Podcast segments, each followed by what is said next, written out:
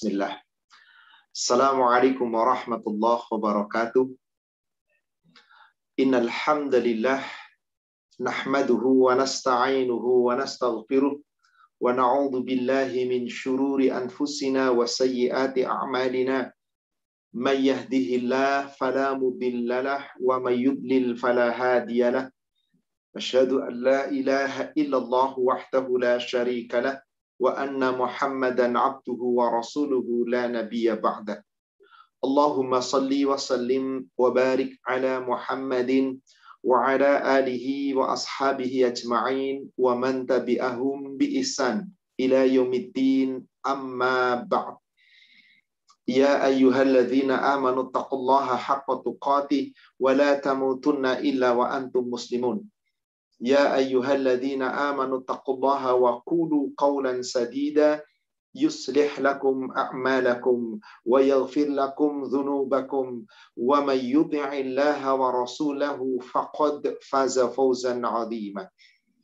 معاشر المسلمين والمسلمات rahimani wa rahimakumullah Bapak Ibu jamaah Majlis Taklim wabil khusus penyelenggara kajian kita pada hari ini yakni Paduka Majelis Taklim yang berasa yang berada di tanah seberang sana di UK United Kingdom yang hari ini insya Allah di sana mungkin pada duhur dan semua jamaah yang ikut bergabung pada kesempatan malam ini kajian kita insya Allah kita akan tadabbur surat Al-Maidah surat 5 dari ayat 21 sampai dengan ayat 26 tadabur yang akan kita lakukan ini adalah berkaitan dengan orang-orang Bani Israel yang membangkang perintah Allah melalui Rasulnya Nabi Musa alaihi salatu wassalam beserta dengan saudaranya Nabiullah Harun alaihi salatu wassalam yang pada akhirnya memang orang-orang dari kelompok karena keturunan Israel yang disebut Bani Israel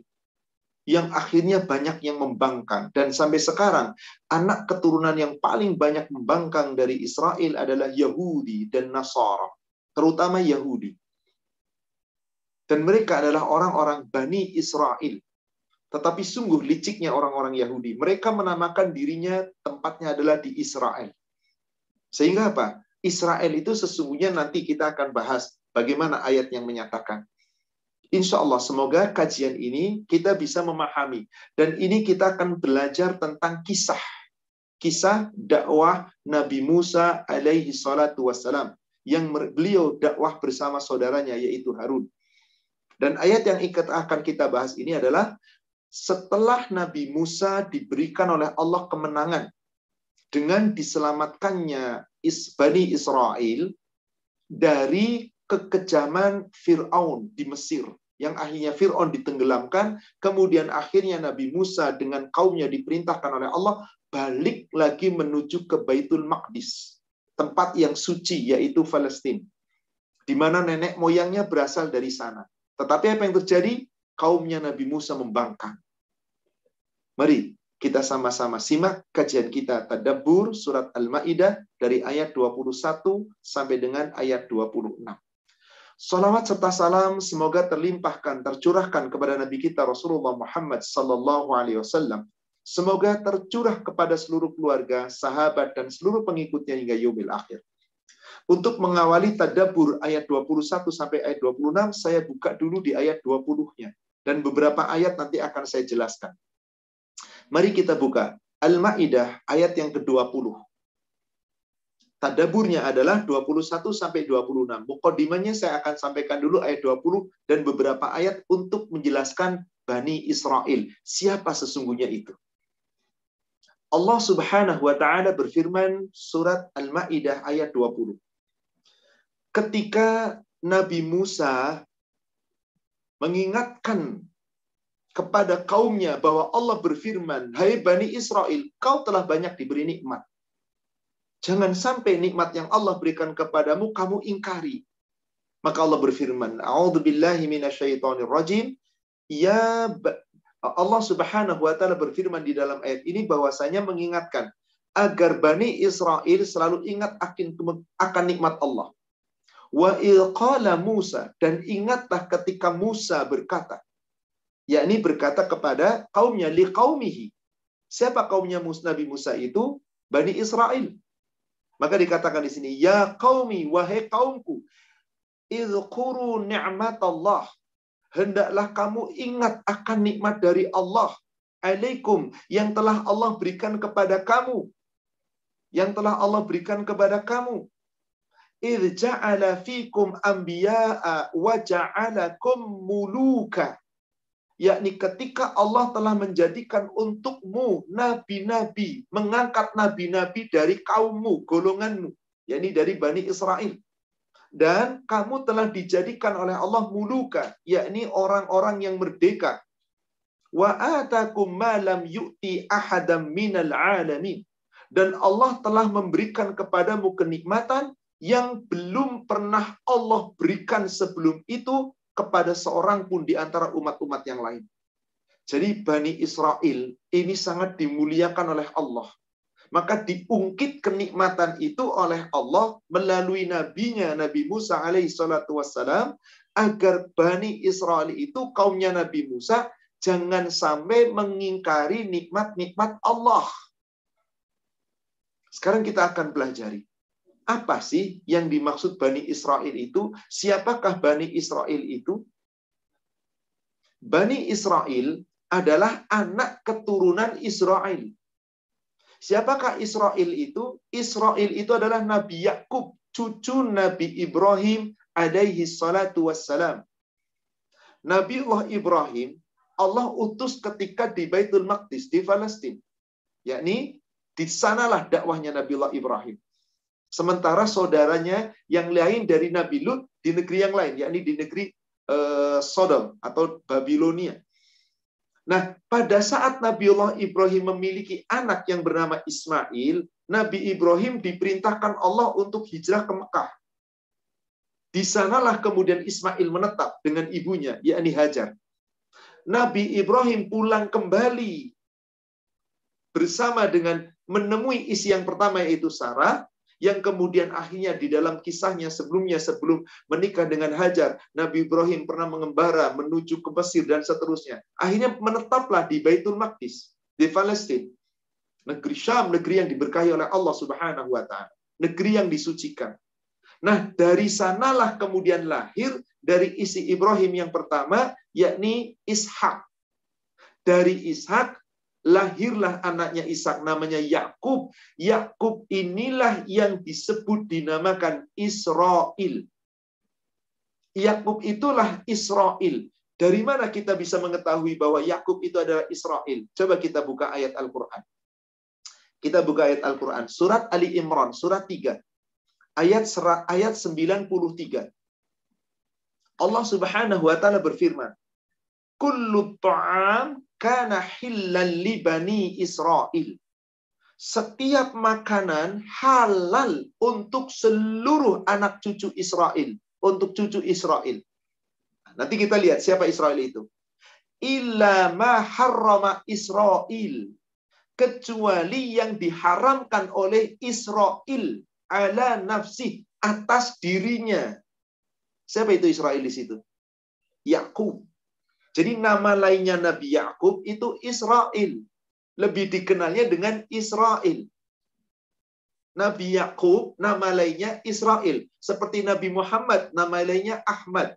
Nabi Muhammad juga punya nama Qasim, Abel Qasim. Nabi Muhammad SAW punya nama.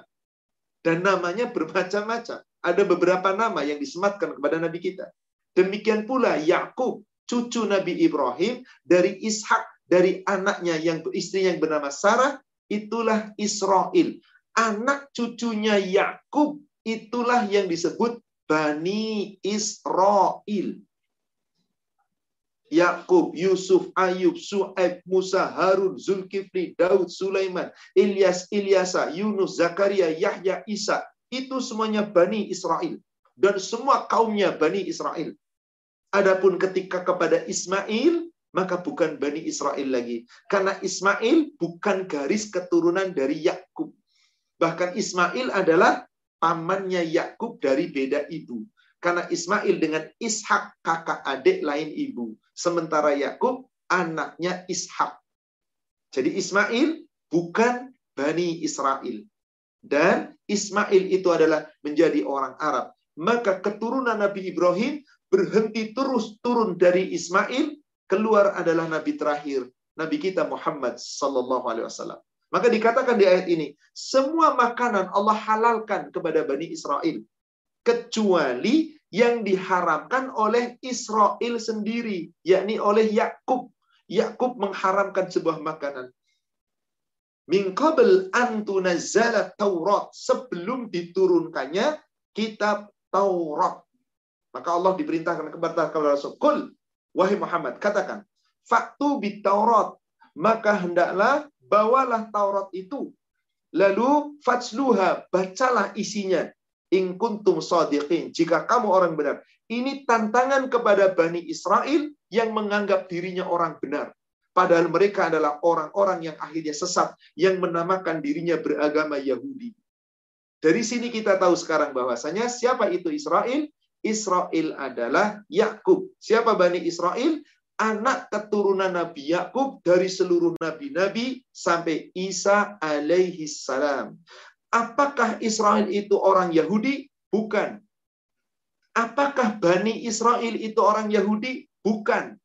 Lalu siapa orang Yahudi? Orang Yahudi adalah sebagian dari Bani Israel yang membangkang aturan Allah. Dan banyak membangkang aturan Allah. Terutama sejak Nabi Musa alaihissalam diputus. Di situlah pembangkangan Bani Israel yang kemudian menamakan dirinya menjadi orang Yahudi, kemudian sampai nanti di Nabi Isa menjadi orang Nasrani, banyak membangkang. Maka Allah ungkit tentang pembangkangan itu. Ketika orang Yahudi mengklaim, aku adalah keturunan-keturunan yang taat, maka mereka itu sesungguhnya sesat. Sebab apa? Mereka mengadakan Tuhan-Tuhan selain Allah. Kita buka surat Al-Baqarah 133. Ketika Israel atau Yakub berkata kepada anak-anaknya di saat hendak wafat, anak keturunannya yang hidup saat itu dari keturunan Yakub yakni Israel berarti Bani Israel dikumpulkan oleh Yakub. Maka saat itu ditantang oleh Allah orang-orang Yahudi dengan ayat ini. Am kuntum syuhada hai orang-orang Yahudi yang merasa dirinya adalah orang-orang kekasih Allah. Apakah kamu menjadi saksi ilhadoro Yakubal maut ketika bapakmu, nenek moyangmu yaitu Yakub Israel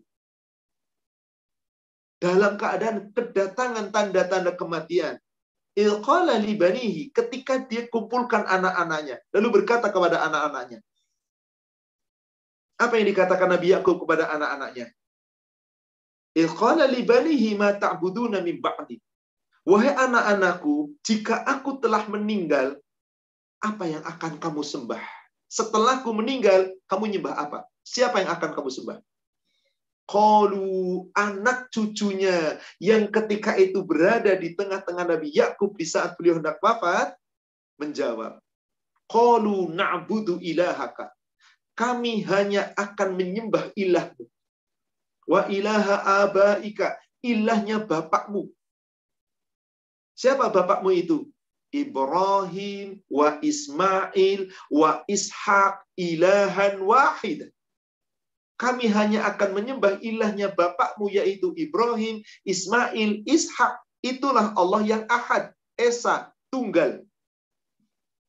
Wa nahnu lahu muslimun. Kami hanya tunduk patuh, muslim berserah diri kepada Allah. Yahudi bukan muslim.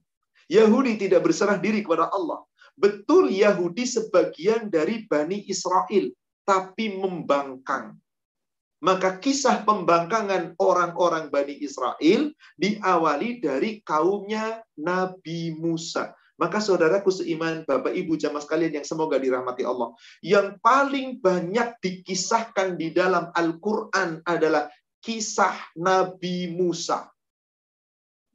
Hampir di setiap ayat-ayat yang panjang diceritakan di Al-Baqarah, di Ali Imran, di surat An-Nisa, di surat Al-Maidah, di surat Al-An'am. Ada kisah-kisah Nabi Musa penggalan-penggalan. Di Al-Baqarah yang begitu panjang, di Al-Maidah juga panjang, di Ali Imran juga panjang, di An-Nisa tidak terlalu panjang. Inilah kisah-kisah pembangkangan. Apa artinya di sini? Allah hendak mengingatkan kepada kita melalui Nabi Muhammad SAW dengan adanya kisah-kisah ini, mari hai orang beriman jangan membangkang seperti orang-orang Yahudi yang sesungguhnya mereka adalah anak keturunannya Israel, orang yang taat kepada Allah. Maka di dalam Al-Quran, Allah sering mengungkit tentang apa? Kenikmatan yang telah Allah berikan kepada mereka. Saya tunjukkan lagi dua buah ayat Al-Quran di surat Al-Baqarah. Mari kita buka surat Al-Baqarah. Yakni surat Al-Baqarah ayat 47. Allah berfirman, Ya Bani Israel. Hai Bani Israel. Uzkuru ni'mati yallati an'amtu alaikum. Hendaklah kamu ingat nikmat yang telah Allah berikan kepada kamu wa anni faddaltukum 'alal alamin dan kami telah memberikan kejadikan menjadikan kamu dilebihkan atas seluruh umat di semesta alam ini pada masa itu sekarang tentu Bani Israel tidak mulia lagi. Yang paling mulia inna akramakum indallah atqakum. Tapi orang Yahudi merasa dirinya tetap mulia. Orang Nasrani merasa dirinya tetap mulia. Orang Islam bukan merasa dirinya mulia, tapi orang Islam dimuliakan oleh Allah jika dia bertakwa. Allah ungkit ini, hei Bani Israel, ingat nikmat Allah yang telah Allah berikan kepada kamu. Di mana Allah telah melebihkan kamu dari umat yang lain. Kita bisa lihat juga ayat sebelumnya, ayat yang ke-40.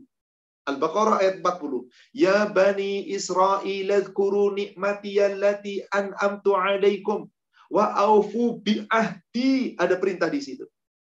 Hai Bani Israel, sesungguhnya kamu harus ingat tentang nikmat yang telah Allah berikan kepada kamu. Di antara cara mengingat nikmat Allah adalah wa aufu bi'ahdi ufi bi'ahdikum. Jagalah, peliharalah penuhilah perjanjianmu dengan Allah dan penuhi janjimu. Maka nanti Allah akan memenuhi janjinya. Apa artinya? Bani Israel telah berjanji kepada Allah akan taat. Kalau dia taat, Allah penuhi janjinya. Pasti dapat nikmat, pasti dapat surga. Wah iya ya farhabun. Akan tetapi, kamu tidak mau takut sesungguhnya kata Allah. Takutlah kamu kepadaku. Ternyata orang yang paling tidak takut sama Allah, siapa dia kah? Kalangan Bani Israel dari orang-orang yang membangkang kenabian. Kenabian yang Allah telah turunkan. Yakni orang-orang Yahudi. Jadi harus kita ketahui, saudaraku sekalian, bahwasanya umatnya Nabi Musa yang dimaksud adalah Bani Israel. Satu ayat terakhir untuk menyatakan bahwasanya kita akan membahas tentang Bani Israel itu siapa? Umatnya Nabi Musa yang berasal dari keturunan Nabi Yakub. Nabi Yakub itulah Israel. Surat Ibrahim, surat 14, lihat buka ayat yang kelima.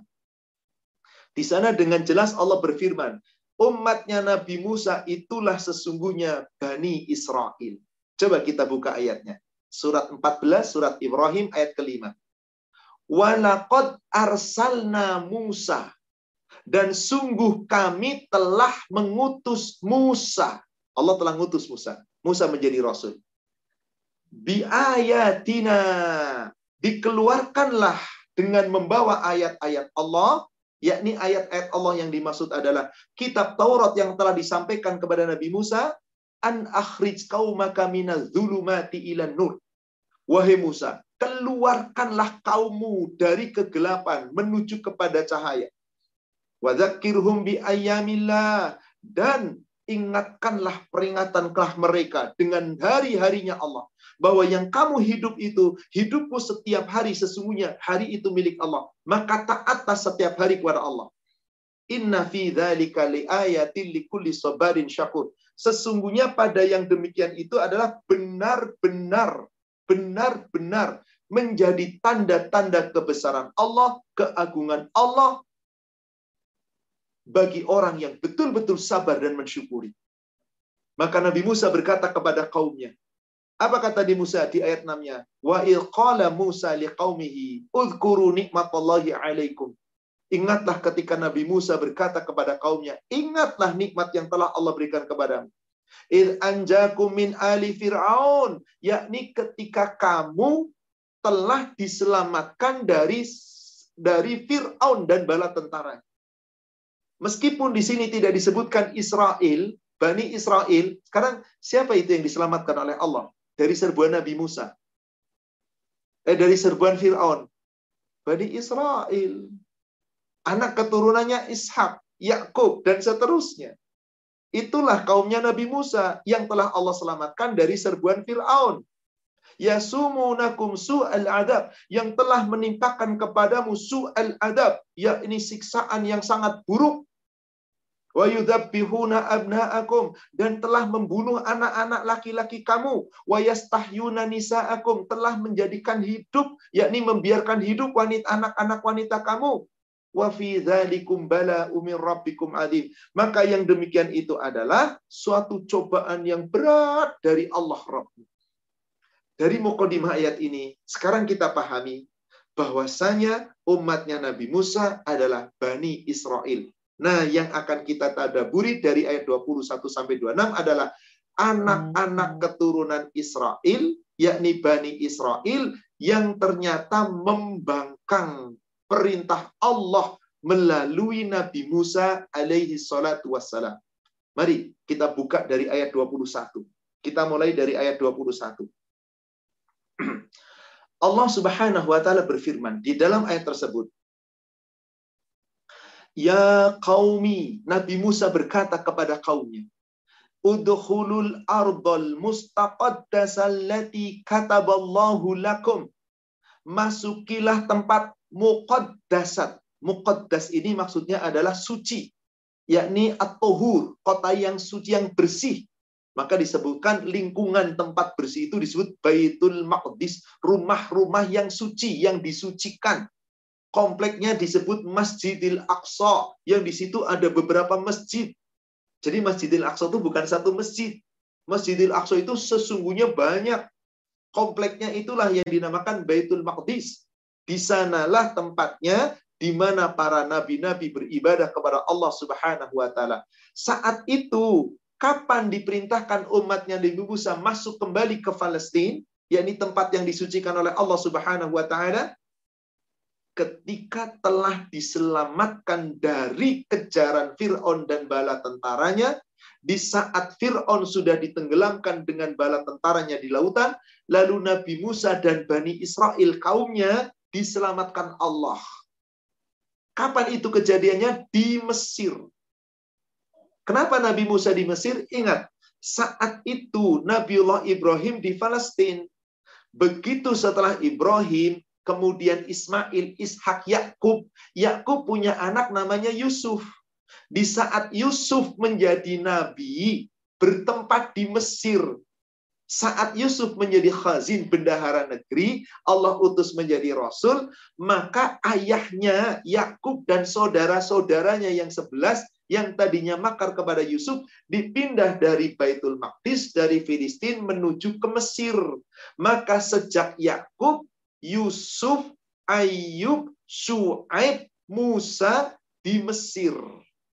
Maka ketika ditinggalkan oleh nabi-nabi, dikuasailah di Baitul Maqdis oleh orang-orang Jabarin, orang-orang jahat, orang-orang musyrik, orang-orang yang menyekutukan Allah, yang badannya kuat dan kekar.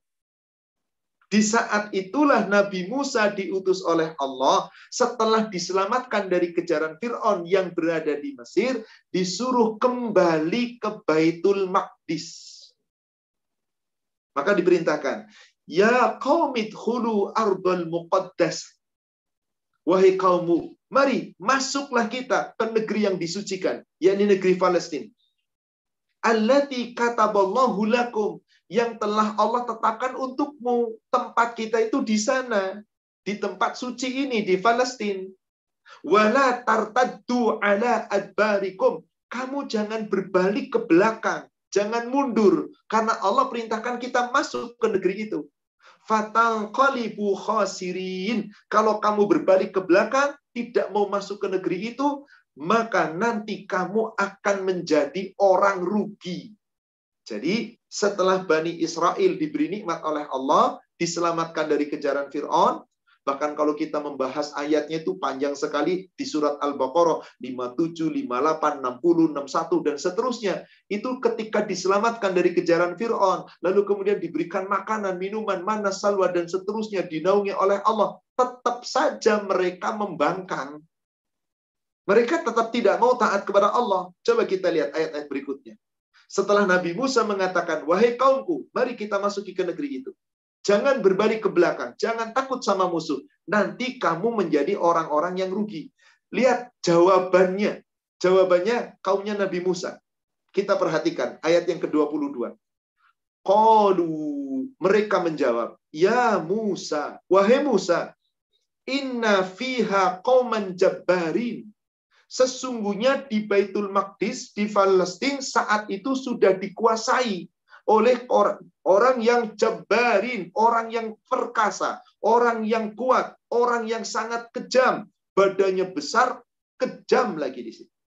Kuat lagi. Sedangkan kami tidak sebesar mereka badannya. Ada orang-orang yang kuat di sana dan kejam. Wa inna lanat khulaha. Sekali-kali kami tidak akan memasukinya.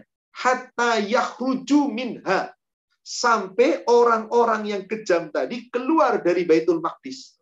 Coba lihat subhanallah. Disuruh Allah memerangi musuh.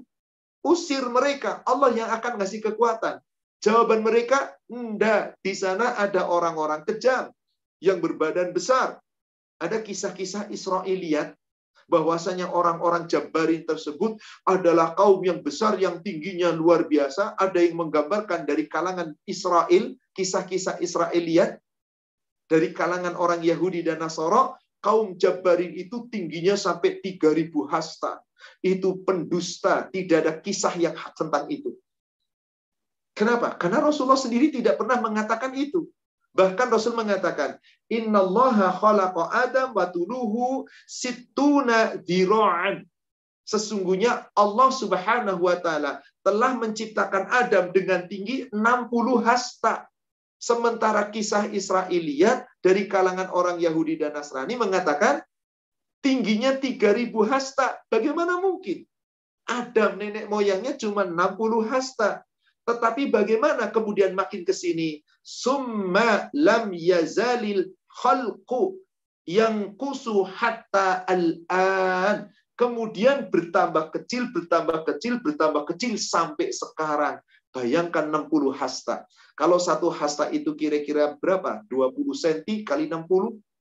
Sudah berapa itu? Tingginya luar biasa, hampir 5, 12 meter barangkali. Kata Rasulullah kemudian makin mengecil, makin mengecil, makin mengecil. Intinya, kaumnya Nabi Musa menolak untuk masuk ke negeri itu memerangi musuh. Padahal diperintah oleh Allah. Berarti takut mati, nggak mau perang. Nggak mau perang. Coba lihat orang Yahudi sekarang. Takut mati, tapi tetap licik dalam bersiasat. Itulah anak keturunan Israel yang membangkang. Berarti Yahudi Bolehkah Yahudi disebut Bani Israel? Tetap mereka Bani Israel. Tapi Bani Israel yang membangkang. Yang menamakan dirinya Yahudi. Berarti bukan orang-orang yang taat.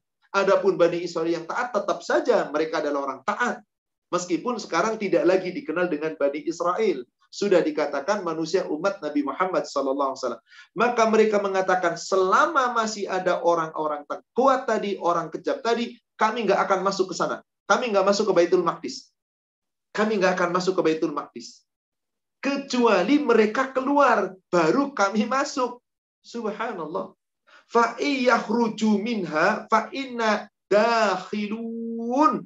Maka dikatakan, jika mereka keluar dari sana, niscaya kami akan masuk. Apa artinya?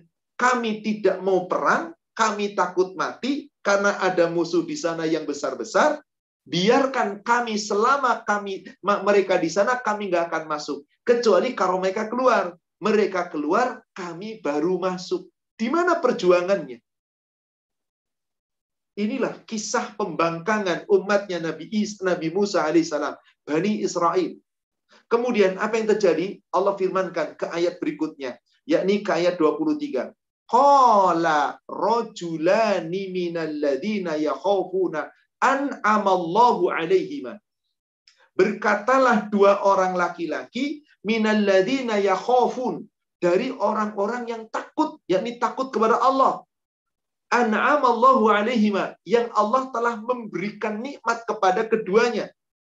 Mereka berkata, "Udkhulu alaihimul bab."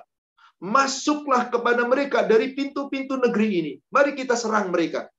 Faida dakhaltumuhu apabila kalian semua dan kita semua memasukinya, memasuki negeri tadi yang disuruh oleh Allah untuk diambil kembali, fa innakum ghalibun. Kamu pasti bisa mengalahkan. Allah berjanji wa 'alallahi fatawakkalu in mu'minin. Maka hendaklah kepada Allah saja kamu tawakal jika kamu benar-benar orang yang beriman. Jika kamu betul-betul orang yang beriman. Nah, siapakah dua orang yang takut kepada Allah? Siapakah dua orang yang takut kepada Allah yang dimaksud? Ada beberapa penafsiran. Sebagian dari ahli tafsir ada yang mengatakan bahwasanya yang dimaksud di sini bukan orang yang takut kepada Allah, tapi dengan kalimat qalu rajulani minalladzina yuhafu orang-orang yang ditakuti oleh kaumnya. Lalu siapakah mereka? ada dua penafsiran. Yang pertama adalah Nabi Musa dan Nabi Harun itu sendiri. Orang-orang yang paling takut kepada Allah dan orang-orang yang ditakuti oleh kaumnya karena kenabiannya. Akan tetapi tetap saja kaumnya membangkang. Tetapi kemudian dijelaskan oleh ahli tafsir yang lain bahwasanya ada pula di antaranya umatnya Nabi Musa dan Harun, dua orang yang taat yang paling takut kepada Allah. Dia siapakah dia? Dia bernama Yusya, eh, Yus, eh, Yusa bin Nun. Dan yang kedua adalah Kaleb bin Yefun dua orang dari kalangan Bani Israel yang taat kepada Allah, yang selalu mentaati perintah Rasulnya, yakni Musa dan Harun, dan paling takut sama Allah, yang ditaati pula, ditakuti oleh kaumnya. Memberi motivasi kepada kawan-kawannya sesama Bani Israel, kaumnya Nabi Musa. Mari kita serbu mereka, mari kita masuki dengan dari pintunya. Lawan mereka. Kalau kita memasukinya dan kita melawan mereka, niscaya kita akan dimenangkan oleh Allah. Memberi motivasi yang sangat indah. Ghalibun. Dan kalau kita memang benar-benar beriman, disuruh oleh Allah menyerang musuh, serang. Wa alallahi fatawakkalun. Sesungguhnya hanya kepada Allah harusnya bertawakal. In kuntum mu'minin. Jika kamu benar-benar beriman. Apa yang terjadi? Setelah diberi motivasi ini oleh dua orang yang paling takut pada Allah. Baik itu Musa dan Harun maupun tadi kaumnya. Yang betul-betul mentaati Allah dan mentaati Nabi Musa. Yaitu Yusa bin Nun dan Kaleb bin Yefun. Maka tetap saja Bani Israel itu menjawab. Qalu subhanallah. Jawabannya betul-betul mengenaskan. Mereka kemudian berkata lagi, Ya Musa, wahai Musa, Inna lanadkhulaha abada. Sekali-kali kami tidak pernah akan memasuki Palestina itu selamanya. Abada. Kami nggak akan masuk selamanya. Madamu fiha. Selama mereka, yakni orang-orang yang keras tadi, masih ada di dalam negeri itu orang yang jahat, orang yang keras, orang yang kekar tadi masih ada di sana, kami nggak bakal masuk ke sana. Seakan-akan apa? Kalau kami ke sana, kami diperangi, mati. Takut mati. Orang yang paling takut mati adalah orang-orang Yahudi. Orang-orang Nasrani. Sedangkan orang beriman, subhanallah. Coba kita lihat orang-orang Isra, orang-orang Palestina yang diserang oleh mereka. Bahkan anak-anak, bahkan orang tua, para wanita. Nggak takut mati karena mereka berjuang di jalan Allah. Tapi orang Yahudi takut mati karena ketika dia mati gak akan dapat apa-apa dari Allah. Maka orang yang paling takut mati dan sesungguhnya mereka nggak mau mati orang Yahudi. Kalangan dari Bani Israel yang membangkang aturan Allah. Maka dengan tegas orang dari Bani Israel ini, yakni kalangan Bani Israel yang membangkang, yang nggak taat sama Nabi Musa, berani mengatakan, Qalu, mereka berkata, Ya Musa, wahai Musa, inna lanat khulaha, kami sekali-kali nggak mau masuk ke dalam negeri itu. Nggak mau masuk ke Palestina. Abada selama-lamanya. Madamu fiha selama di dalamnya itu negeri itu ada orang-orang yang tadi yang keras, yang kuat, yang jabar, yang bengis, yang jahat. Kami tidak masuk karena ukuran mereka lebih besar. Kami tidak akan bangsa mengalahkan. Sudah pesimis sebelum berbuat. Maka mereka berkata kepada Nabi Musa dan Harun, "Fadhhab anta." Maka engkau wahai Musa dan engkau wahai Harun silahkan kamu masuk berdua ke sana. Warabbuka dengan Tuhanmu. Allahu Akbar. Sampai-sampai mereka mengingkari Allah yang telah memberi nikmat. Silahkan wahai Musa, silahkan wahai Harun, kamu masuk bersama Tuhanmu sana. Faqatila. Silahkan kamu perangi mereka. Silahkan kamu saja berdua bersama Tuhanmu. Inna hahuna qaidun. Kami tetap di sini menanti. Kalau sudah menang, baru saya masuk. Kalau kalah, kami lari. Kira-kira seperti itu. Betapa pengecutnya mereka itu. Subhanallah. Dengan ayat ini, saudaraku sekalian, Allah bongkar bagaimana orang-orang Yahudi sesungguhnya memang telah membangkang Allah sejak Nabi Musa diutus oleh Allah Subhanahu wa taala pembangkangan demi pembangkangan. Terus menerus setiap nabi-nabi diutus, dibunuh. Banyak nabi diutus, dibunuh. Maka karena dosa-dosa mereka itulah Allah haramkan orang-orang Yahudi, orang-orang Nasara masuk ke dalam surga. Haram berarti neraka tempatnya. Khalidina fiha abada. Kekal di dalamnya selama-lamanya. Setelah itu, maka Nabi Musa sudah pasrah, tidak bisa lagi mengajak kaumnya. Nabi Musa hanya minta sama Allah di ayat 25-nya. Qala Rabbi. Nabi Musa berkata, Wahai Rabbku, inilah amliku illa nafsi. Sesungguhnya aku tidak mampu menguasai, kecuali hanya menguasai diriku sendiri. Dan siapa lagi di sini? Dan sama sedikit wa akhi dan saudaraku yaitu Harun yang sama-sama diutus oleh Allah berdakwah. Nabi ini berbarengan antara Musa dan Harun bersaudara menjadi nabi berdua. Aku hanya bisa menguasai diriku dan juga dengan saudaraku ini. Fafruq bainana wa bainal qaumil fasiqin. Maka wahai Allah, pisahkanlah antara kami dengan mereka orang fasik. Jadi mereka adalah Bani Israel yang tidak taat, maka dikatakan fasik, pisahkan kami berdua dengan mereka. Seakan-akan apa? Biarlah mereka nggak mau berjuang bersama kami. Biarlah kami yang akan berjuang. Berdua berjuang. Dengan Allah berjuang. Maka doa Nabi Musa, apakah dikabulkan oleh Allah? Diceritakan di dalam tafsir. Tidak. Doa Nabi Musa nggak diperkenankan. Artinya apa? Nabi Musa tidak diperkenankan berpisah dengan kaumnya. Nabi Musa diperintahkan tetap dakwah kepada kaumnya.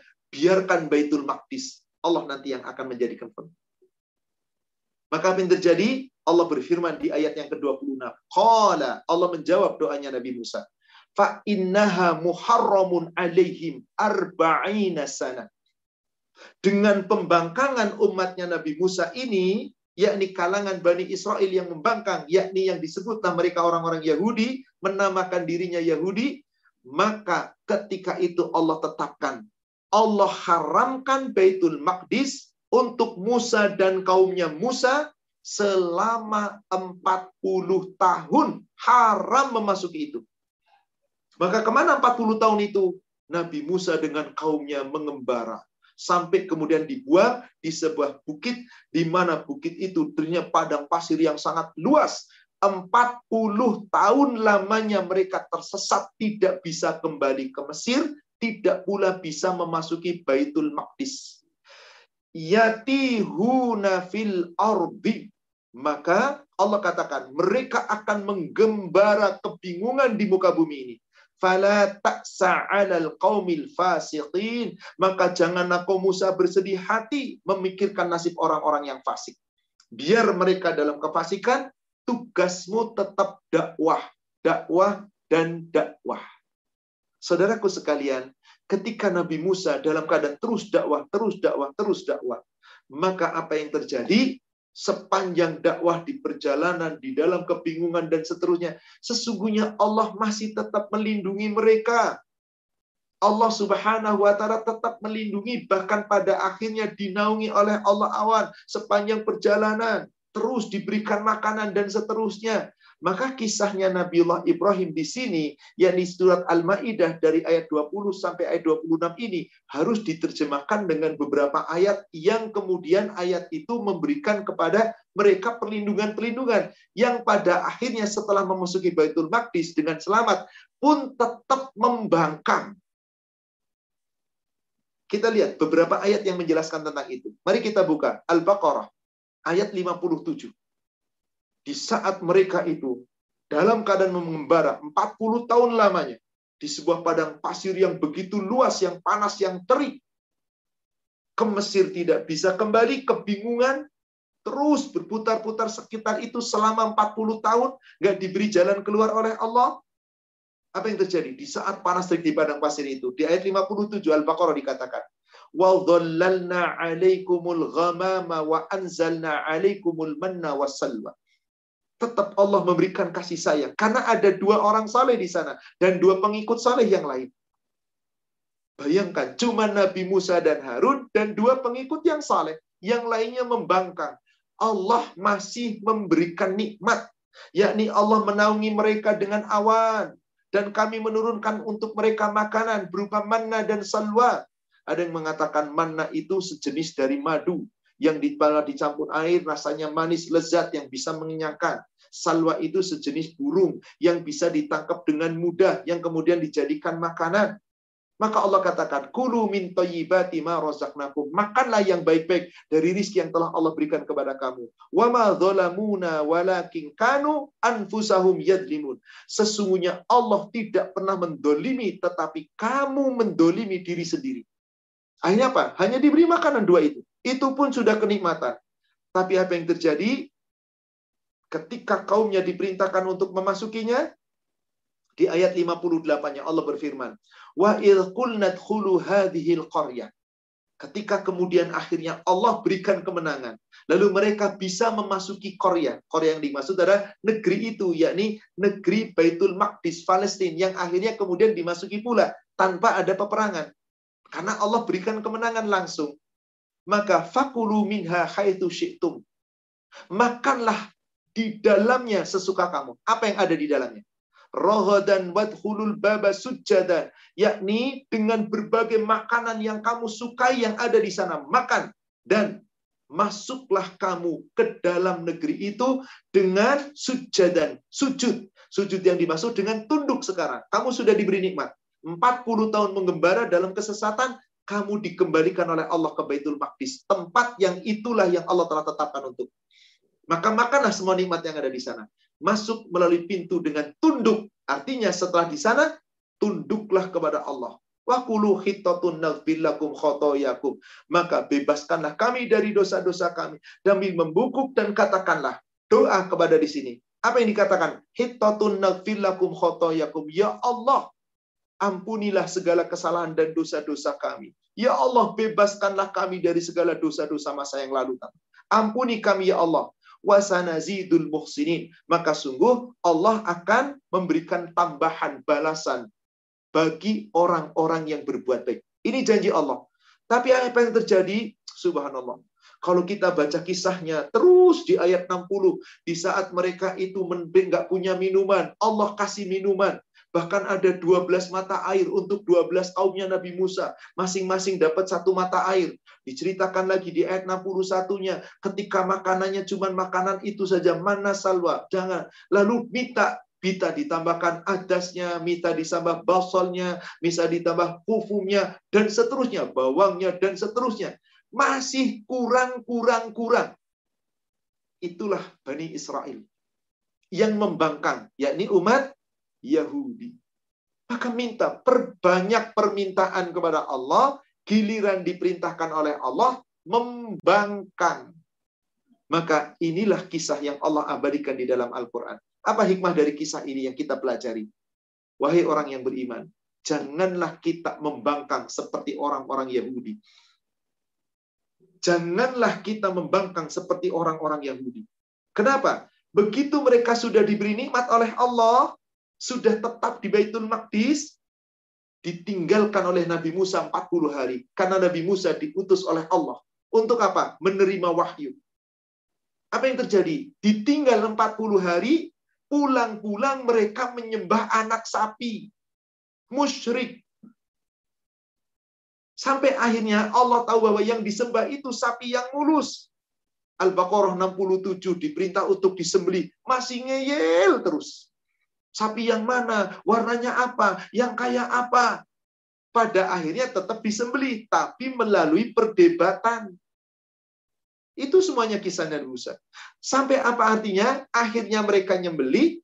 Saat itu diperintahkan oleh Allah ketika ada kaum yang dibunuh, lalu tidak ada saksi siapa yang membunuh, antara satu suku dengan yang lain pada ribut, Allah perintahkan, ekor sapi dari yang disembelih tadi, pukulkan kepada si mayit, tanya siapa yang bunuh. Dipukulkan lalu hidup, setelah hidup ditanya siapa yang membunuh, ditunjuklah si fulan. Perdamaian akhirnya.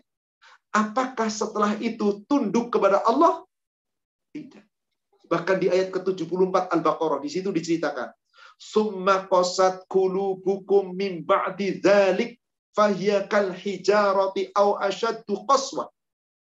Kemudian setelah kamu diberi nikmat, nikmat, nikmat, nikmat, ternyata hatimu menjadi keras seperti batu. Atau lebih keras dari batu. Enggak pernah nerima lagi ketaatan menolak semua yang Allah perintahkan. Awasyadu bahkan hatinya lebih keras dari batu. Padahal Allah katakan, wa inna minal hijarah adapun dari batu-batu lamma yatafajjaru minhul anhar. Ada yang bisa mengalirkan air, yakni menjadi sungai. Wa inna minha lama yashaku yakhruju minhul ma. Ada pula kalau tidak mengalirkan sungai, ada yang terbelah, lalu dari celahnya keluar air. Wa inna minha lama yahbitu min khasyatillah. Ada pula dari batu yang jatuh karena takut kepada Allah, lalu pecah berkeping-keping. Wa mallahu bighafilin amma ta'malu. Maka sungguh Allah tidak pernah lengah terhadap apa pun yang telah mereka kerjakan. Inilah saudaraku sekalian yang semoga dirahmati Allah. Pembangkangan dari kelompok Yahudi Siapa Yahudi yang dimaksud adalah keturunan dari Israel. Siapa Israel? Yakub, anak cucu dari anaknya Ishak, cucunya Nabi Ibrahim yang kemudian membangkang-membangkang. Maka anak cucu Israel yang membangkang, itulah orang-orang Yahudi, itulah orang-orang Nasara, yang sering menentang ayat-ayat Allah. Bahkan penentangan mereka lebih dahsyat lagi, yakni di antara kaum Yahudi. Maka sampai kapan pun kaum Yahudi tidak pernah akan diridhoi Allah. Saya tutup tentang Yahudi ini. Silakan Bapak Ibu buka surat Al-Jumu'ah. Surat 62. Ayatnya ayat yang ke 6 ayat ke-7 sampai ayat ke-8. Qul katakanlah ya ayyuhalladzina hadu wahai orang-orang Yahudi in za'amtum annakum awliya'u lillahi min dunin nas fatamannawul maut in kuntum shadiqin jika kamu mengklaim kamu merasa kamu menganggap dirimu adalah orang yang dicintai Allah selain dari manusia yang lain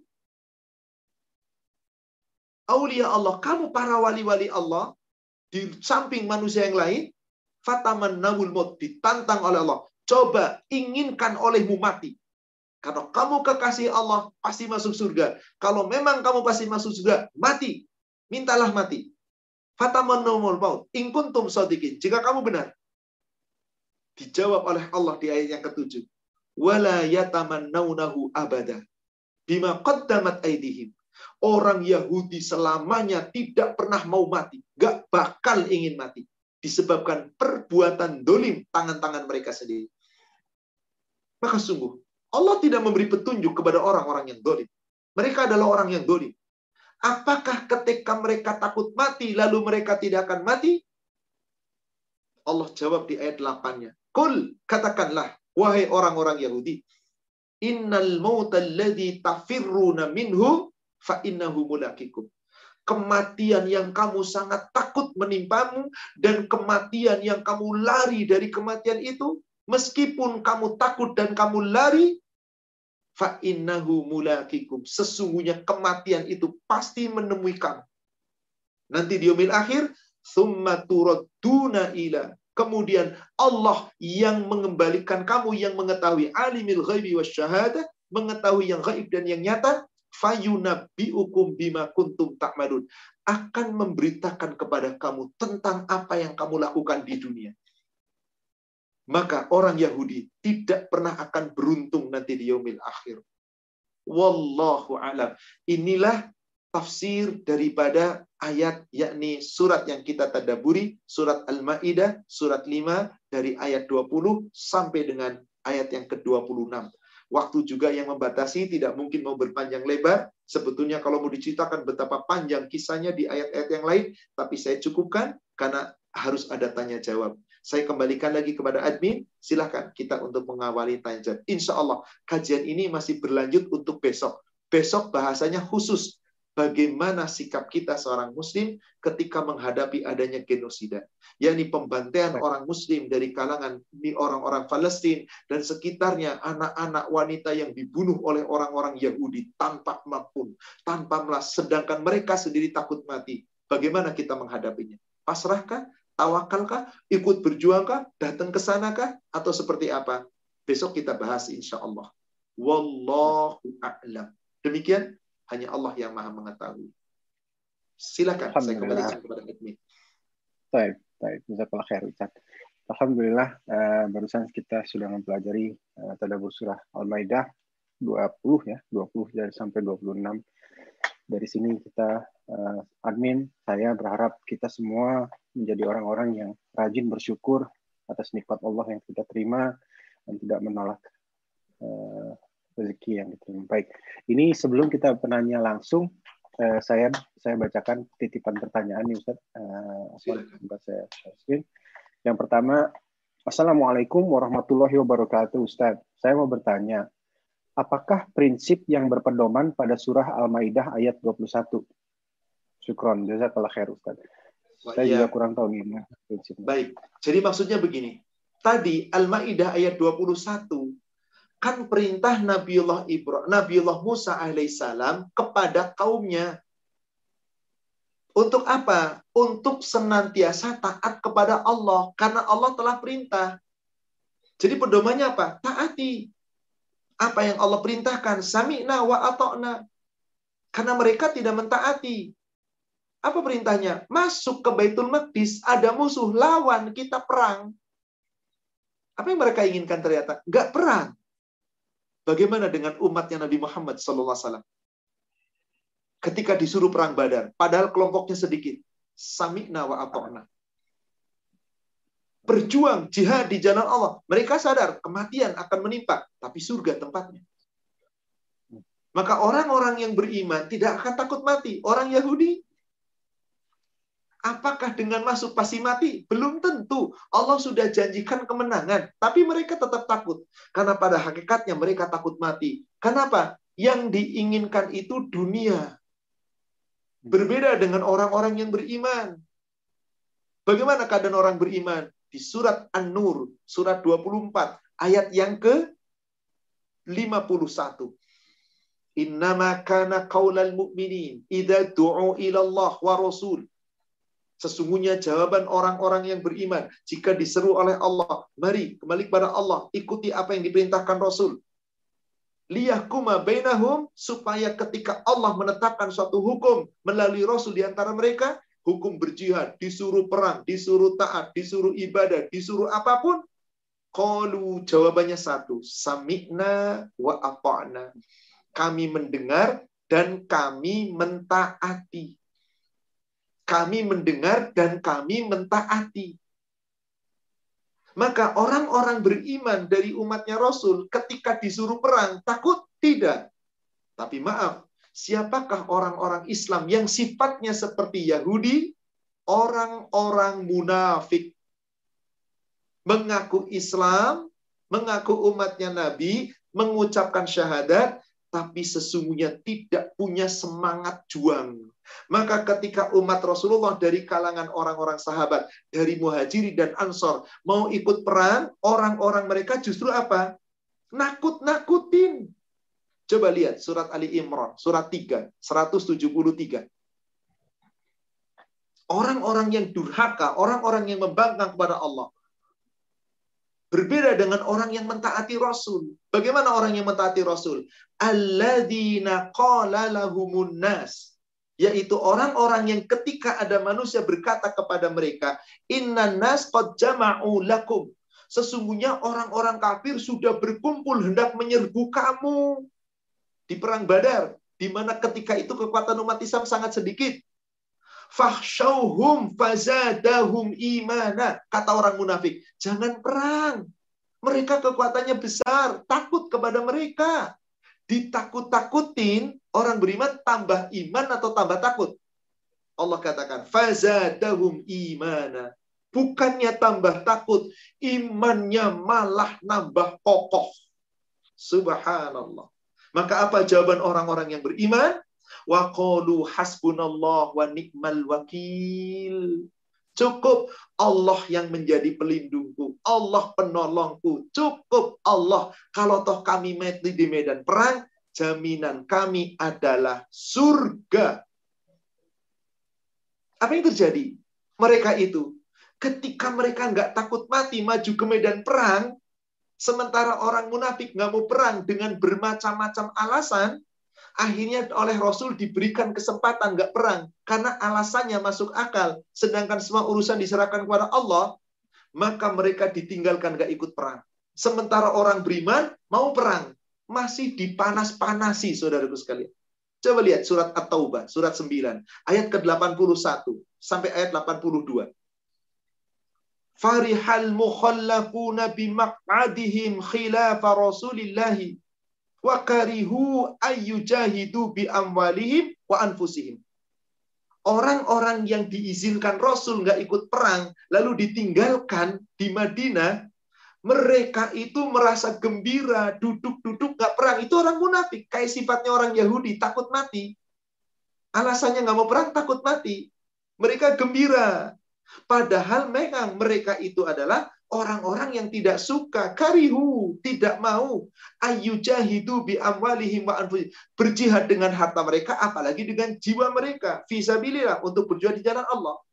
Waqalu bahkan yang nggak perang itu kepada orang beriman yang mau perang dipanas-panasin berkata kepada mereka la tangfiru fil har Hai orang beriman jangan perang panas terik Panas terik kok perang mati loh kamu. Kira-kira begitu.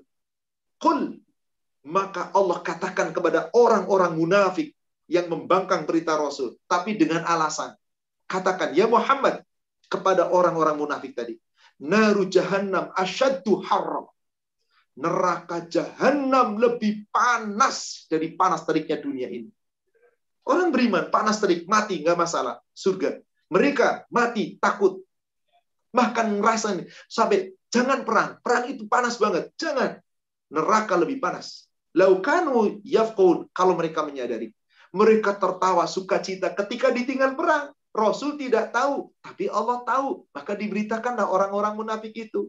Maka Allah katakan di ayat 82, Faliyat haku kolila. Ah, silahkan, hai orang munafik, ketawa kamu di dunia, tapi cuma sedikit. Waliyabku kesira nanti kamu di akhirat nangis sebanyak-banyaknya. Gak bisa keluar dari neraka. Jaza ambimakanu yaksibun. Sebagai balasan atas apa yang telah mereka kerjakan. Jadi jadi kita bagaimana terhadap surat Al-Maidah ayat 21? Pembangkangan mereka jangan kita contoh. Maka kita umat Islam yang baik adalah jika diperintah samikna wa atokna. Jangan kayak orang Yahudi samikna wa asoina. Kami mendengar, kami tidak akan mentaati. Demikian wallahu a'lam. Baik, alhamdulillah jelas. Uh, baik, uh, berikutnya yang bertanya langsung Mbak Tati, silahkan diambil Mbak Tati. Silahkan. Bismillahirrahmanirrahim. Assalamualaikum Ustaz. Waalaikumsalam warahmatullahi wabarakatuh. kalau um, Bani Israel yang membangkangi orang Yahudi dan Nasrani, bukankah mereka ahli kitab? Dan justru ahli kitab pun masih bisa dikawini oleh laki-laki Islam. Terus mana, mana yang ahli kitab ini? Saya menjadi agak agak campur di otak saya. Baik. Mohon, di, mohon dijelaskan lebih banyak. Jazakumullah khair. Wa iya, jazakillahi khairan umum penanya. Siapa sih ahli kitab itu? Kitab adalah kitab-kitab yang Allah turunkan. Ada kitab Zabur, ada kitab Taurat, ada kitab Injil. Maka umat Bani Israel yang menerima kitab-kitab Zabur, Taurat, Injil, itulah ahli kitab. Tapi apakah orang-orang Yahudi masih meyakini kitab Taurat? Tidak. Karena Taurat yang ada pada mereka bukan Taurat yang Allah firmankan kepada Nabi Musa. Apakah orang-orang Nasrani mengimani kitab Injil? Tidak. Karena kitab Injil yang mereka imani sekarang bukan Injil yang Allah turunkan kepada Isa, tapi Injil buatan tangan mereka sendiri. Taurat buatan tangan mereka sendiri. Lalu dikatakan ini dari Allah, pendusta. Tetapi kan mereka boleh dinikahi, betul. Yang Allah firmankan di surat Al-Ma'idah ayat 4. Makanan Bani Israel halal untukmu wanita-wanita ahli kitab yang menjaga dirinya halal dinikah laki-laki mukmin. Ahli kitab yang mana? Yang menjaga dirinya, yang mengikuti kitab dengan benar. Yakni orang ahli kitab dari kalangan Yahudi, Nasrani, dan siapa pun. Yang pada akhirnya mau memeluk Islam. Boleh dinikah. Kalau tidak mau memeluk Islam, nggak boleh dinikah. Kalau sudah dinikah masuk Islam, ternyata membangkang, kemudian murtad kembali, wajib dicerai. Maka Al-Maidah ini jangan berdiri sendiri. Harus diterjemahkan bagaimana Al-Baqarah ayat 221. Haram orang beriman menikah dengan mereka orang-orang musyrik. Orang Yahudi dasar itu musyrik. Haram masuk surga. Kapan boleh dinikah? Seandainya mereka diuji keimanannya dan masuk Islam. Kalau ternyata nanti nggak masuk Islam atau telah masuk Islam murtad kembali, wajib diceraikan surat 60, surat Al-Mumtahana ayat 10. Wajib dijelaskan ini. Jangan sampai tidak. Kenapa? Karena kalau tidak dijelaskan berarti seakan-akan apa? Boleh nikah dengan orang kafir. Betul, asal dari kalangan ahli kitab. Akan tetapi ahli kitab yang mana? Yahudi sebetulnya ahli kitab, tapi membangkang. Sebagaimana umat Islam, ibu maaf. Umat Islam itu ahli kitab, dikasih warisan, pemilik kitab. Ya ini hmm. apa? Al-Quran. Apakah semua umat Islam sama? Enggak, ada yang membangkang. Coba dibuka surat 35. Surat Fatir, ayatnya ayat yang ke-31 dan 32. Walladhi auhayna ilaika minal kitab. Apa yang telah kami wahyukan kepadamu wahai Muhammad dari kitab yakni Al-Qur'an hak min rabbi. Ini benar dari Allah Rabbmu musaddiqan lima baina yadai kitab Al-Quran itu telah membenarkan seluruh kitab-kitab sebelum Al-Quran. Inna Allah ibadihi khabiran basir. Tapi sungguh Allah itu terhadap hambanya maha mengetahui. Ke mana Quran itu kemudian? Lihat ayat yang ke-32. Summa. Kemudian kitab Al-Quran ini kami wariskan kepada hamba-hamba kami yang terpilih di antara hamba kami. Kami wariskan kepada hamba kami yang terpilih di antara kami. Hamba kami. Hamba Allah itu semua manusia di muka bumi. Orang Yahudi, orang Nasrani, orang Konghucu, orang Buddha. Apa pun, siapa pun di muka bumi. Itu namanya hamba Allah. Tapi Al-Quran tidak diwariskan kepada semua manusia. Memang untuk semua manusia. Tapi Allah hanya wariskan summa aurasnal kitab alladina stofaina min ibadina. Kami wariskan kitab Al-Quran itu hanya kepada siapa? hamba-hamba kami yang terpilih di antara hamba kami. Hamba Allah seluruh manusia di dunia yang dapat warisan Quran, hamba Allah yang terpilih. Siapa? Yang mau mengimani Quran. Hanya orang Islam yang telah mengucapkan syahadat. Itulah ahli kitab yang sesungguhnya. Yang telah datang Taurat, yakini Taurat. Datang Injil, yakini Injil. Datang Quran, yakini Quran. Mana yang harus kita imani sekarang? Seluruh kitab. Tapi mana yang harus kita jalankan? Isi Quran. Kita nggak diperintah menjalankan isi Injil. Kita nggak diperintah menjalankan isi Taurat. Inilah ahli kitab sesungguhnya. Orang Islam diwariskan itu kita. Apakah orang Islam semuanya taat? Coba perhatikan. Faminhum li nafsih di antara orang Islam itu yang menerima warisan Quran ada yang mendolimi diri sendiri. Zolim. Gak bener. Islam tapi gak bener. Banyak. Gak mengikuti perintah. Gak mengikuti larangan. Gak mengikuti aturan, syariat. Perintah ditinggalkan. Larangan bahkan dijalankan. Syariat diabaikan. Ini zolim kata Allah. Apa bedanya dengan orang Yahudi? Sama. Bedanya Yahudi dari ahli kitab sebelumnya. Bedanya ini ahli kitab dari Quran. Membangkang yang kedua, wamin hum muktasid. Di antara mereka kelompok pertengahan. Siapa pertengahan itu? Orang-orang yang Islam menjalankan. Ya ibadah, ya maksiat. Ya berbuat baik, ya berbuat jahat. Ya makan halal, ya makan haram. Ya mencintai Islam, ya membenci, membenci syariat Islam. Pertengahan, dia pilih-pilih. Mana yang menguntungkan, diambil. Yang ketiga, wa minhum sabiqum bil khairati biidnillah. Di antara mereka ada orang-orang yang lebih dulu selalu berjuang, berjuang, berbuat baik, berbuat baik. Sabiqu bil khairat, berlomba-lomba kebaikan-kebaikan. Biidnillah, atas izin Allah. Zalika wal fawzul kabir. Itulah yang mendapat kemenangan yang sangat besar.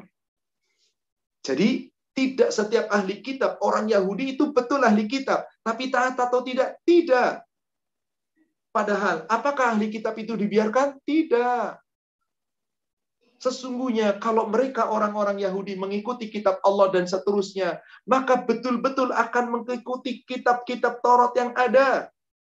Silahkan, kita bisa lihat ayat-ayat Al-Quran di surat Ali Imran itu dijelaskan dari ayat ke-61, 62 terus Bahkan dikatakan di ayat 66. Coba kita lihat. Atau mulai dari ayat 65. Ya ahlul kitab, wahai ahli kitab.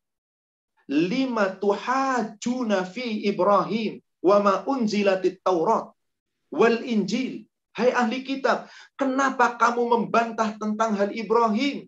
Padahal telah diturunkan Taurat, diturunkan Injil. Illa mim ba'dihi diturunkan melainkan sesudah Ibrahim. Kenapa kamu tetap membantah Taurat dan Injil? Ahli kitab, tapi membantah. Sudah nggak benar namanya seperti itu. Afala ta'kilun. Hai ahli kitab, apa kamu nggak pakai akalmu? Bantah membantah. Padahal siapakah Ibrahim itu? Bukan Yahudi, bukan Nasoro. Coba lihat ayat 67. Makana Ibrahim Yahudiyan wala Nasraniyan. Ibrahim itu bukan Yahudi, Ibrahim itu bukan Nasrani. Kalau hmm. ada yang mengatakan Yahudi agama samawi, Nasrani agama samawi, batil. Salah total. Allah nggak pernah menurunkan agama Yahudi. Allah nggak pernah menurunkan agama Nasrani. Agama Yahudi adalah buatan Bani Israel yang membangkang. Bukan dari Allah. Hmm. Mereka tetap Islam. Nasrani adalah agamanya umatnya Nabi Isa yang membangkang keluar dari Injil. Maka Ibrahim dan anak keturunannya, mereka bukan Yahudi, bukan Nabi juga, bukan ya orang-orang Nasrani. Maka dikatakan di sini, lillalladzina taba'u wa hadan nabiyyu walladzina amanu. Ibrahim ialah orang-orang yang Sesungguhnya Ibrahim itu yang paling dengar Ibrahim adalah orang-orang yang mengikuti Nabi ini, yakni Nabi Muhammad Sallallahu Alaihi Wasallam dan orang-orang yang beriman kepada Nabi Muhammad Sallallahu Alaihi Wasallam. Jadi ada Yahudi yang sesat, ada Yahudi yang tidak sesat. Maka segolongan ahli kitab ada yang beriman, maka segolongan yang lain juga ada yang tidak beriman. Sama bu dengan orang Islam. Jadi kita harus pahami ahli kitab yang mana yang boleh kita nikahi, yang boleh kita berbuat baik. Ahli kitab yang pada akhirnya mau mengimani Al-Quran. Demikian, Wallahu a'lam. Jazakumullah khair. Very clear. Terima kasih. Barakallahu fikir. Baik, uh, berikutnya sebelum kita ke penanya langsung, ini ada pertanyaan, pertanyaan. Uh, pertanyaannya agak panjang, saya bacakan. Ya, Silakan. Assalamualaikum warahmatullahi wabarakatuh, Ustaz. Anda mau bertanya, arti jihad sesungguhnya dibagi beberapa beberapa kelompok dan apa-apa saja pengertiannya dari masing-masing jihad itu sendiri. Syukran kalau khairan. Jihad asal kata daripada jahada. Jahada yujahidu jihadun tahad tohaju. Apa artinya di situ? Secara arti jahada itu artinya sungguh-sungguh, semangat, bener-bener gak main-main. Maka jenis jihad itu apa? Kital, perang. Jihadul nafs dengan jiwa. Jihadul mal dengan harta. Jihadul anfus dengan diri kita. Jihadul nufus, pengendalian hawa nafsu. Maka ketika kita berjihad disuruh Allah menyeluruh. Jangan sekedar cuman sholat, cuman puasa, cuman zakat. Tidak. Menyeluruh. Sholat sungguh-sungguh, zakat sungguh-sungguh, cari nafkah sungguh-sungguh, cari ilmu agama sungguh-sungguh, berjuang di jalan Allah sungguh-sungguh. Jika Allah perintahkan kita perang, perang sungguh-sungguh. Jadi makna jihad adalah kebanyakan umat Islam kalau dengar kata jihad pasti perang. Jihad, sabilillah, perang. Perang itu bukan jihad, bagian dari jihad. Jihad perang itu kital namanya. Bisa dilihat di surat Al-Baqarah 216. Perintahnya bukan jihad, tapi kital. Ya ayyuhalladzina amanu kutiba alaikumul kital. Hai orang-orang yang beriman, diwajibkan atasmu perang. Kital, membunuh atau terbunuh. Fahuwa. Boleh jadi perang itu sangat kamu benci. Maka di lanjutan ayatnya, boleh jadi kamu benci sesuatu, tapi itu baik bagi kamu. Boleh jadi kamu membenci sesuatu, baik bagi kamu. Boleh jadi justru kamu cinta sesuatu, itu buruk bagi kamu. Allah yang mengetahui, kita tidak tahu. Jadi makna jihad itu adalah bersungguh-sungguh dalam mentaati Allah. Baik dengan harta kita, dengan jiwa kita, dengan hawa nafsu kita. Maka di surat Al-Hajj, surat 22 ayat penutup, ayat 78, Allah perintahkan kepada kita. Diawali dari ayat 77. Teguran untuk orang beriman. Ya ayyuhalladzina amanur ka'u wasjudu wa'budu rabbakum waf'alul khaira la'allakum tuflihun. Hai orang yang beriman, rukuklah kamu, sujudlah kamu, dan tetaplah kamu mentaati Allah dengan menyembah Allah Rabbmu, dan terus berbuat kebaikan-kebaikan agar kamu beruntung. Semua perbuatan itu jika kamu lakukan dengan sungguh-sungguh namanya jihad. Lihat ayat penutup, ayat 78. Wajahidu fillahi haqqa jihadih berjihadlah kamu di jalan Allah sebenar-benarnya jihad. Sebenar-benarnya. Apakah cuma perang? Tidak. Ibadah menyeluruh. Yang Allah perintahkan tadi di ayat 77. Sujud kita, rukuk kita, berbuat baik kita, apa pun yang kita lakukan dalam rangka kebaikan untuk bekal akhirat, itu harus dengan jihad. Bersungguh-sungguh. Haqqa jihadi Huwajtabakum. Allah telah memilih kamu. Wa ma ja'ala alaikum fid dini min haraj. Allah tidak pernah menjadikan untukmu di dalam agama ini sesuatu yang sulit. Allah nggak bikin agama suka. Nggak menyulitkan, nggak menyukarkan. Agama itu ringan jika kita mau berjuang. Millata abikum Ibrahim. Maka ikuti milah bapakmu Ibrahim. Huwa sammakumul muslimina min qabl. Allah telah memberikan nama Ibrahim dan bapaknya, anak cucunya itu muslim dari zaman dahulu. Apakah Ibrahim Yahudi? Apakah Musa Yahudi? Jadi yang memberi nama Yahudi itu orang Yahudi sendiri. Siapa mereka? Bani Israel yang membangkang. Mari kita berjihad. Apa bentuk jihad di situ? Aqamus salat, ketika kamu menegakkan salat, atuz zakat, ketika kamu menunaikan zakat, wa'tasimu billah, ketika kamu berpegang berjuang di jalan Allah, Huwa maulakum, dialah Allah pelindung kamu. Fanikmal maula wa nikman nasir. Sesungguhnya sebaik-baik pelindung dan penolong adalah Allah. Supaya apa? Supaya nanti Allah menyaksikan apa yang kamu berbuat. Rasul menyaksikan apa yang kamu buat. Kamu menjadi saksi atas segenap manusia. Jadi segala sesuatu yang kita lakukan dalam rangka ketaatan kepada Allah untuk menggapai surganya Allah itu namanya jihad.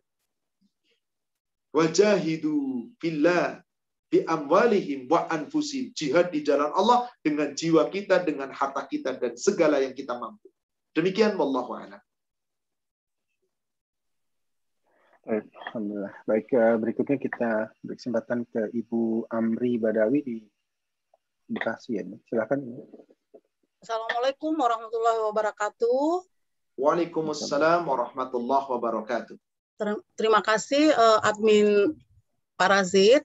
Uh, yang saya ingin tanyakan tentang Palestina ya Pak Ustadz, uh, bagaimana sejarahnya uh, Palestina itu diklaim tiga kaum Yahudi uh, yang pernah saya baca Yahudi dengan tembok ratapannya, Nasrani dengan King Solomonnya, serta Islam. Kalau Islam kita udah paham Masjid Masjidil Al-Aqsa. Demikian pertanyaan saya. Baik, pertanyaannya Ibu? Pertanyaannya eh, sejarahnya Pak Ustadz. Bagaimana sejarahnya sehingga tiga kaum yang mengklaim eh, Palestina itu, yaitu Yahudi dengan tembok ratapannya, terus Nasrani dengan King Solomonnya, menurut yang saya baca ya Pak Ustadz, Baik. Terus Islam dengan Masjid Al-Aqsa-nya. Kalau ini kita udah paham ya, Islam dengan Masjid Al-Aqsa-nya. Yang ke yang dua itu saya belum paham banget sejarahnya begitu Pak Ustadz. Baik uh, jawaban Ibu agak panjang. Insya Allah ini akan saya jelaskan pertemuan besok. Baik, Pak Ustaz. Besok itu temanya tentang genosida, pembantaian oh. orang-orang Yahudi terhadap orang Islam. Nanti sejarahnya saya akan ceritakan, insya Allah di awal pertemuan. Jadi pertanyaan Ibu sesungguhnya akan ada uraiannya besok. Mudah-mudahan oh, Ibu besok meluangkan waktu. Insya Allah. Baik, Pak Ustaz. Syukran. Jazakallah khairan kasiran. Wa barakallah fi. Jazakillahi khairan. Baik, eh, berikutnya saya sebelum ke penanya yang langsung saya saya pertanyaan eh, titipan eh, Ustadz. Kalau rakyat Palestina yang Muslim itu yang berperang melawan Israel itu keturunan siapa Ustadz? Ini dari dari mereka Bani, semuanya keturunan dari Israel. Mereka hmm. keturunan dari Israel, keturunan dari Nabi Yakub. Hmm. Tetapi orang-orang yang kemudian taat. Sama ibu, bapak, di Mekah kan ada keturunan dari orang-orang yang tidak taat. Ada pula hmm. dari keturunan orang taat, sama-sama orang Arab. Bukankah mereka semuanya keturunannya asalnya keturunan dari Ismail? Terus maka nenek moyangnya Nabi Muhammad SAW itu kalau di atas terus Abdullah, Abdul Muthalib, Abdul Syam, Abdul Manaf, terus Lu'ai, Ka'ab, Lu'ai, terus ke atas, nanti sampai kepada Ismail alaihissalam. Tetapi di antara anak cucunya, kan ada yang membangkang juga. Coba, dari anak cucunya hmm. Abdul Muthalib. Abulah, apa namanya? Uh, Abu Talib siapa? Anaknya Abdul Muthalib. Akhirnya, apakah taat? Tidak. Tapi ada anak cucunya, Ali bin Abi Thalib, taat. Ja'far bin Abi Thalib, taat. Tapi bapaknya tidak taat. Seperti itulah. Bukankah Abu Jahal, Abu Lahab juga masih punya keturunan darah dengan Rasulullah? Satu kakek buyut? Sama. Jadi orang-orang Palestina yang taat itu pun dari keturunan Bani Israel. Makanya sekarang setelah Nabiullah Muhammad SAW diutus, gak ada lagi keturunan yang dibanggakan. Gak Arab, gak Bani Israel, gak siapa pun. Gak orang dari Cina, orang dari Thailand, orang dari mana pun, orang dari Amerika, dari Eropa. Allah cuma tunjuk siapa pun manusia yang paling mulia bukan karena dia Bani Israel, bukan karena Bani Ismail, bukan karena keturunan siapa, tapi yang paling bertakwa. Maka klaim itu Allah tetapkan di surat 49 ayat 13. Ya nas, inna khalaqnakum min zakarin wa unsa Hai manusia, sungguh Allah telah ciptakan kamu dari laki-laki dan perempuan. Wa ja'alnakum syu'uban wa qabaila lita'arafu. Allah telah jadikan kamu bersuku-suku, berbangsa-bangsa. Udah nggak bisa lagi ditaris keturunan yang Israel yang mana dan seterusnya. Yang umat dari Arab yang mana dan seterusnya. Tapi yang jelas, keturunan di Arab itu asalnya dari Ismail dan seterusnya. Keturunan di Palestina dan semua negara sekitarnya itu kebanyakan dari Israel dan seterusnya. Tapi sudah bercampur baur. Allah katakan, kamu diciptakan dari satu laki-laki dan perempuan, Adam dan Hawa, lalu diciptakan bersuku-suku, berbangsa-bangsa yang sangat banyak, lita arohu, supaya saling mengenal. Ditutup ujung ayatnya, Inna akromakum indallah atkokum. Sesungguhnya yang paling bertakwa di sisi Allah, itulah yang paling mulia. Jadi nggak dilihat Bani Israelnya, nggak dilihat Bani Ismailnya, nggak dilihat orang Arab, orang Eropa, orang India, orang Indonesia, enggak. Apakah itu keturunan Nabi, Habibkah, siapakah? Enggak. Yang penting yang paling takwa. Siapa pun bisa takwa. Insya Allah. Maka nggak perlu kita mengungkit, membanggakan suku apa saya, siapa saya. Tapi sekedar pertanyaan, Apakah orang Palestina berasal dari Bani Israel? Ya, tapi ada pula yang berasal dari Bani Ismail. Karena orang-orang Arab yang kemudian hijrah ke Palestina dan seterusnya. Wallahu a'lam. Demikian. Baik. Alhamdulillah. Eh, berikutnya ini pertanyaannya singkat ini. Ustaz, eh, pembangkangan untuk memasuki Baitul Maqdis itu di surat 21 tadi berapa lama setelah menyeberangi Laut Merah? Dari ayat 21. Oh, setelah menyeberangi Laut Merah. Berapa lama Langsung. tidak ada dikisahkan secara jelas, secara pasti, tapi yang jelas pertama kali Nabi Musa itu di Mesir, dakwah di Mesir, yakni untuk mendakwai Fir'aun dan bala tentaranya, lalu nggak mempan. Kecuali sebagian kecil dari tukang-tukang sihir Fir'aun yang beriman, yang akhirnya dibunuh dengan disalib oleh Fir'aun. Kemudian Musa dikejar dengan Bani Israel yang taat, diselamatkan di Laut Merah dari kejaran Fir'aun, menyeberang, akhirnya meninggalkan Mesir, maka diperintahlah untuk memasuki Baitul Maqdis.